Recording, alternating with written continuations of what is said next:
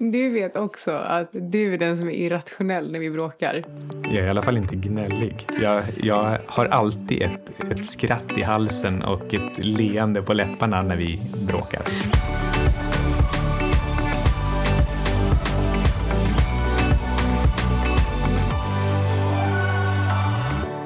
Du lyssnar på Outsiders med Anna Svan och Micke Syding. Vi eh, tänkte prata lite om eh, varför vi måste lära oss att älska att förlora pengar. Och eh, du som lyssnar kanske känner till Mickes björnposition och därför vill jag inleda med att fråga om att älska att förlora pengar var något du gjorde från början eller har lärt dig under tiden, Micke? Jag vill hellre veta vad du gjorde i helgen. Um, vi firade podden i lördags och i söndags så eh, tog jag det väldigt lugnt eftersom att jag eh, precis har skrivit färdigt en bok. Du tittade på ditt nya favoritprogram The Good Place. Jag skulle inte vilja klassa det som favoritprogram men eh, det, fick, det gick liksom bra att rulla på i bakgrunden när jag sov i princip prick hela dagen. Varför tittade vi på The Good Place egentligen? Jag hade fått höra att jag var lik eh, en karaktär och det visade sig vara en eh, afroamerikansk man som hade hamnat i himlen. Och den här personen var en riktigt präktig goody two shoes. Jag tyckte faktiskt att han var, han var jättebra. Alltså, om det är någon karaktär någon ska säga att jag påminner om så är det faktiskt han. Exakt han. Han person, personifierade precis den typ av karaktär som man som nidbild tänker hör hemma i himlen. Den personen som gör att man inte vill till himlen utan hellre vill till andra stället och ha lite kul. Jag tycker att du har fel. Jag tycker att det verkar helt nice. Jag tycker du är en tunt. Jag älskar som sagt förluster så jag vill hellre ner dit. Mm, kan du inte berätta lite mer om, eh, om hur det kom sig att du tog den där björnpositionen? Alltså väldigt kort om, eh, om du fick lära dig att älska förluster eller om du gjorde det från början. Jag älskade inte förluster innan, åtminstone inte i den mest enkla bemärkelsen. Man kan väl säga att jag lärde mig att älska förluster under tiden som jag hade i björnpositionen, för annars skulle jag aldrig kunnat haft den så länge. För jag förlorade trots allt ganska mycket pengar på den. Men, eh, men totalt sett så gick det ju faktiskt typ plus minus noll de åren och till och med lite plus så att eh, så farligt var det ju faktiskt inte. Nej, jag gjorde ju faktiskt andra saker och de hade jag inte gjort om jag inte hade haft björnpositionen som säkerhet. En så kallad hedge. Och vi ska alltså prata om Mark Spitznagels filosofi om att lära sig att älska förluster och dessutom förklara varför det egentligen betyder samma sak som Warren Buffetts tanke om att man aldrig ska förlora pengar. Och eh, vi sponsras av Odin Fonder, en aktiv nordisk förvaltare. Odin Fonder Sverige har tio olika aktiefonder på den svenska marknaden och man kan hitta deras fonder hos de flesta distributörer. Kul! Kolla in Odin. Jag läste i alla fall Dow of Capital när vi var i Sri Lanka för eh, lite mer än en månad sedan och jag fastnade verkligen för konceptet att lära sig att älska förluster. Micke ska läsa upp ett av mina favoritcitat eh, från boken. Moreover, saying that one is acting long term is very often rationalization used to justify something that is currently not working out as planned.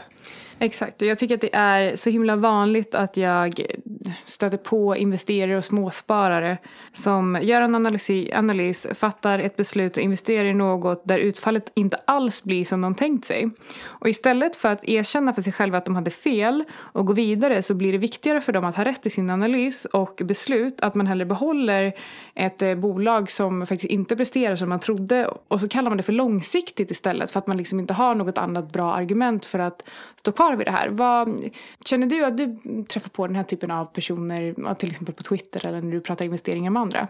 Ja, hela tiden. Men jag känner igen det hos mig själv också. Det är väldigt lätt att göra de här misstagen. Och det är ju faktiskt exakt då, jag vet inte hur många som har hört talas om uttrycket att man ska göra sig av med gamla surdegar. Det här betyder faktiskt precis det. Att eh, att helt enkelt inte behålla bolag som inte presterar enligt förväntan. Helst så ska man göra sig av med dem långt innan de blir gamla surdegar. Vid första signalen på att det här har avvikit från plan, att det inte längre är samma sak som du investerade i, då ska du gå ur.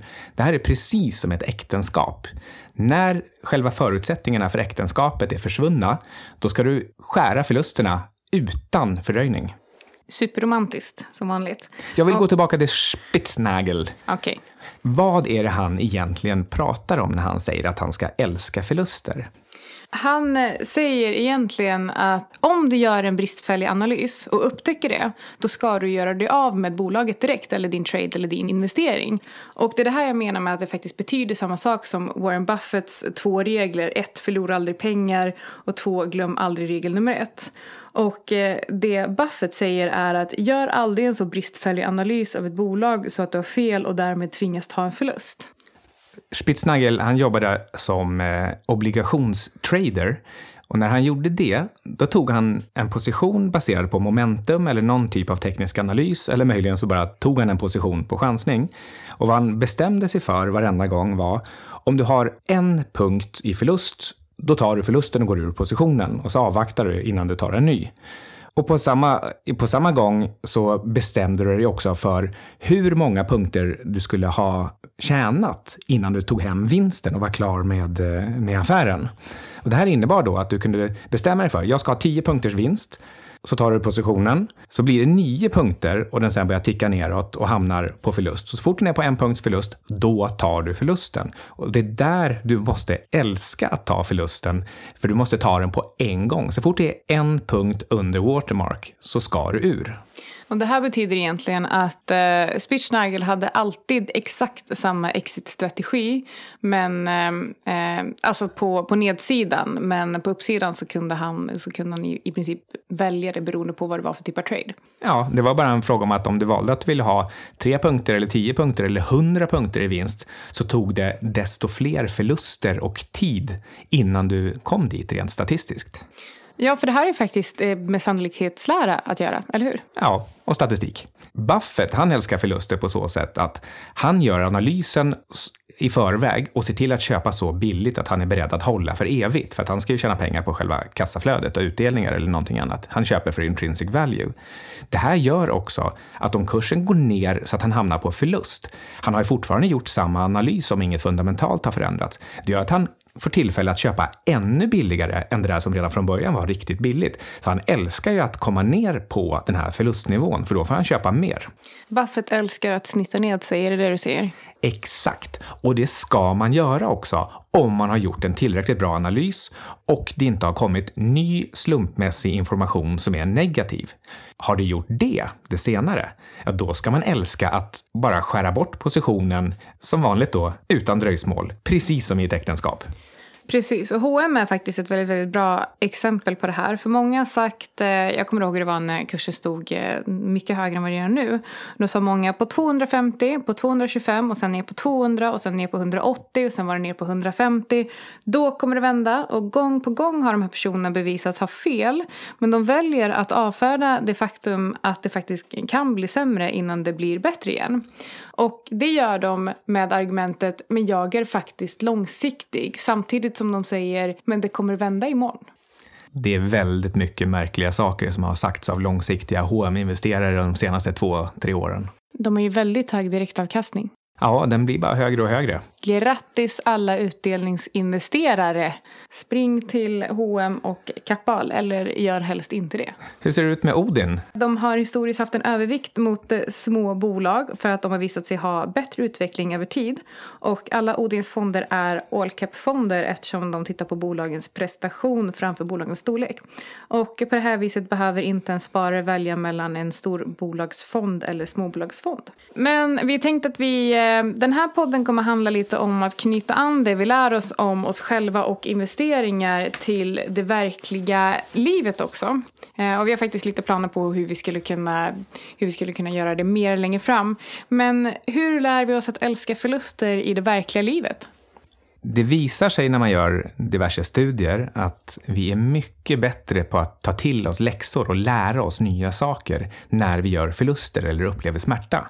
Så utnyttja lägen för, vid förluster till att lära dig desto bättre för att eh, fungera bättre framöver. Och det är ju inte för inte som det finns ett ordspråk som säger det som inte dödar dig gör dig starkare. Och det här är ju faktiskt ett typexempel på det här. Mm, men det gör dig inte nödvändigtvis starkare om du inte tar ett metakognitivt perspektiv och tar hand om den här förlusten och ser till att lära dig karta upp vad var det du tänkte? Varför gjorde du som du gjorde?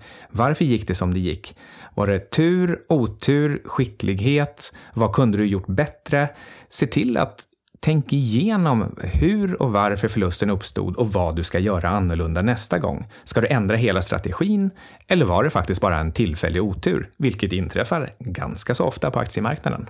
Jag har som princip att om det, är, om det är någon yttre händelse som jag faktiskt inte kan kontrollera så får det inte påverka mig även om, eh, även om det är någonting som blir ett negativt utfall för mig. För att jag får inte hålla på och klandra mig själv om jag faktiskt inte hade med det att göra. Och är det däremot så att, eh, att det är någonting som sker på grund av mig då måste jag verkligen gå in och rannsaka mig själv och utvärdera mina egna handlingar så att jag kan lära mig någonting av det till framtiden. Det finns ett lite allmänt tips som jag brukar ta upp ibland och det handlar om byrålådor.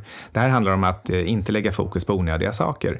Så om du har saker som har inträffat eller möjligen kommer kunna inträffa men som du inte kan göra någonting, någonting åt Tänk dig rent psykologiskt att du placerar dem i en låda som det står. Det här har inte med mig att göra. Så stänger du den byrålådan. Där behöver du inte titta för det där ska inte ta upp kapacitet hos dig. Och sen ägnar du dig åt att göra desto bättre åt det du faktiskt kan påverka. Men eh, jag har faktiskt ett lite roligt exempel som du har varit med om ganska nyligen. Du har en person i din närhet som eh, blev eh, lite upprörd på dig och det är egentligen någon, på grund av någonting som han inte kunde påverka och ändå så lät han det gå ut över sig själv så pass mycket att han inte kunde sova på en hel natt. Vad, hur, hur tycker du att han har hanterat situationen? Om man tittar på det från hans perspektiv så tyckte han nog att han borde ha kunnat hantera det här. Han tyckte att jag borde ha eh, haft en eh, sån förståelse för situationen att jag skulle ha berättat för honom om de här sakerna redan i förväg så att han skulle kunna ändra eller hindra det hela. Och jag tror att det är därför det blev så svårt för honom att, eh, att lägga det här i lådan där man inte kan göra någonting åt. Dessutom så hoppas han kunna ändra de framtida händelserna som är kopplade till det här. Så, så det är därför han är så djupt psykologiskt eh, eh, committad till den här händelsen.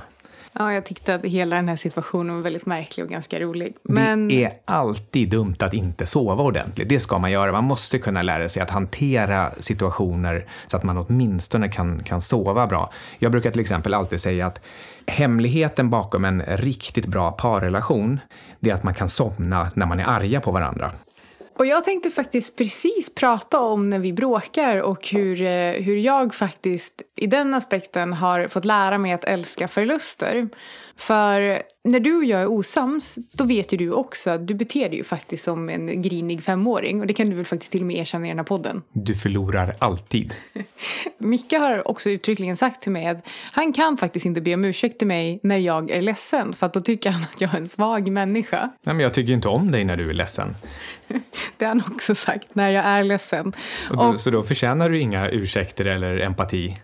Så mitt sätt att hantera det på det är att jag säger exakt det jag vill ha sagt och aldrig något mer och aldrig någonting som jag inte menar. Och sen så slutar jag vara ledsen för att då vet jag att det kommer lösa sig i efterhand. Och sen så brukar vi prata om det när Micke ser att jag är glad och då blir båda glada. Under tiden som det pågår så brukar jag dessutom försöka dokumentera det på något sätt. Kanske fotografera och så lägga ut någonting hånfullt på sociala medier medan den här diskussionen pågår. Och så säger du ofta till mig också att du tycker inte om mig nu, borde vi ens vara tillsammans? Bara för att vara elak och för att eh, provocera mig, eller hur? Ja, men det brukar nästan kunna locka fram ett litet leende också. Mm, du vill nog inte veta vad jag tänker på just då. You had me at hello. Men så på det sättet har jag lärt mig att älska mina förluster. För jag vet att det är ingen idé att jag bråkar med Micke när vi är osams. Eh, utan, eh, utan vi brukar reda ut det där i efterhand. Nu vill jag faktiskt tillägga att vi, eh, Micke brukar kalla det för vårt februaribråk. För det är ungefär så ofta vi är ovänner. I februari så är D-vitaminförrådet i kroppen på absoluta minimum. Det är innan vårsolen börjar titta fram i mars. Och jag tror helt enkelt att det är så att Anna har D-vitaminbrist i februari och det yttrar sig i den här gnälligheten. Och konstigt nog, när jag berättade det här för henne så blev hon ännu gnälligare istället för att ta till sig informationen och förstå att hon därmed ska vara mindre gnällig. Jag blev ju ännu gnälligare för att du sa att du och jag, du tycker att vi borde göra slut varje februari istället för... Ja, men att vi kunde ta en månads paus varje februari så blir det mindre bråk. Ja, men det var inte för att du sa att jag hade D-vitaminbrist. Hur som helst så tycker jag att det är väldigt konstigt att när jag påpekar att Anna är gnällig och att jag inte tycker det fyller någon funktion, då blir hon ofta ännu gnälligare. Är inte det irrationellt? Du vet också att du är den som är irrationell när vi bråkar. Jag är i alla fall inte gnällig. Jag, jag har alltid ett, ett skratt i halsen och ett leende på läpparna när vi bråkar. Bara hånfullt? Ja, det är mer att jag inte förstår allvaret i det hela. Det som kommer hända kommer ändå hända. Och då kan man lika gärna njuta lite grann av den här, det här jabbandet. Mm, det är mm, jättetrevligt. Men vi har i alla fall kortat ner de här tiderna sen jag har lärt mig att, eh, att det brukar ta från att jag faktiskt är glad och Micke märker att det inte är så att jag spelar glad utan att jag faktiskt verkligen har släppt det. Och har jag sagt att jag har släppt någonting då har jag faktiskt verkligen, verkligen gjort det också för det kommer liksom inte tillbaka sen. Men då kan det dröja, sist tog det två eller tre månader så sa han till sin vän när jag stod bredvid att Anna är en mycket större människa än mig. Jag hade aldrig orkat med mig om, eh, om jag hade betett mig sådär mot mig själv. Låt det inte gå två, tre månader från att dina förluster börjar till att du erkänner dem och tar dem, utan se till att älska dina förluster istället som Spitznagel och Warren Buffett. Så jag hoppas att jag får en ursäkt eh, snart i alla fall för vårt eh, tjafs i början på februari. Va, finns det fortfarande en ursäkt kvar i luften från det? Nej, det finns det inte. Jag skojar bara. Men eh, så, så sammanfattningsvis eh, idag, lär dig att älska dina förluster och eh, har du en partner och ni tjafsar, se till att sluta tjafsa och liksom gräv ner allting och prata inte om det istället, för det löser alla problem. Jag håller med. Eftersom jag sa att jag håller med så är det dags att tacka Odin. Följ gärna Odin på sociala medier. Du hittar dem på Twitter och LinkedIn som Odin Fonder Sverige. Där kan du också hitta artiklar om hur de förvaltar etc. Tänk bara på att fondandelar kan gå både upp och ner och det är inte säkert att du får tillbaka hela det insatta kapitalet. Tack så mycket för att eh, du lyssnade på Outsiders tack från Micke Syding också.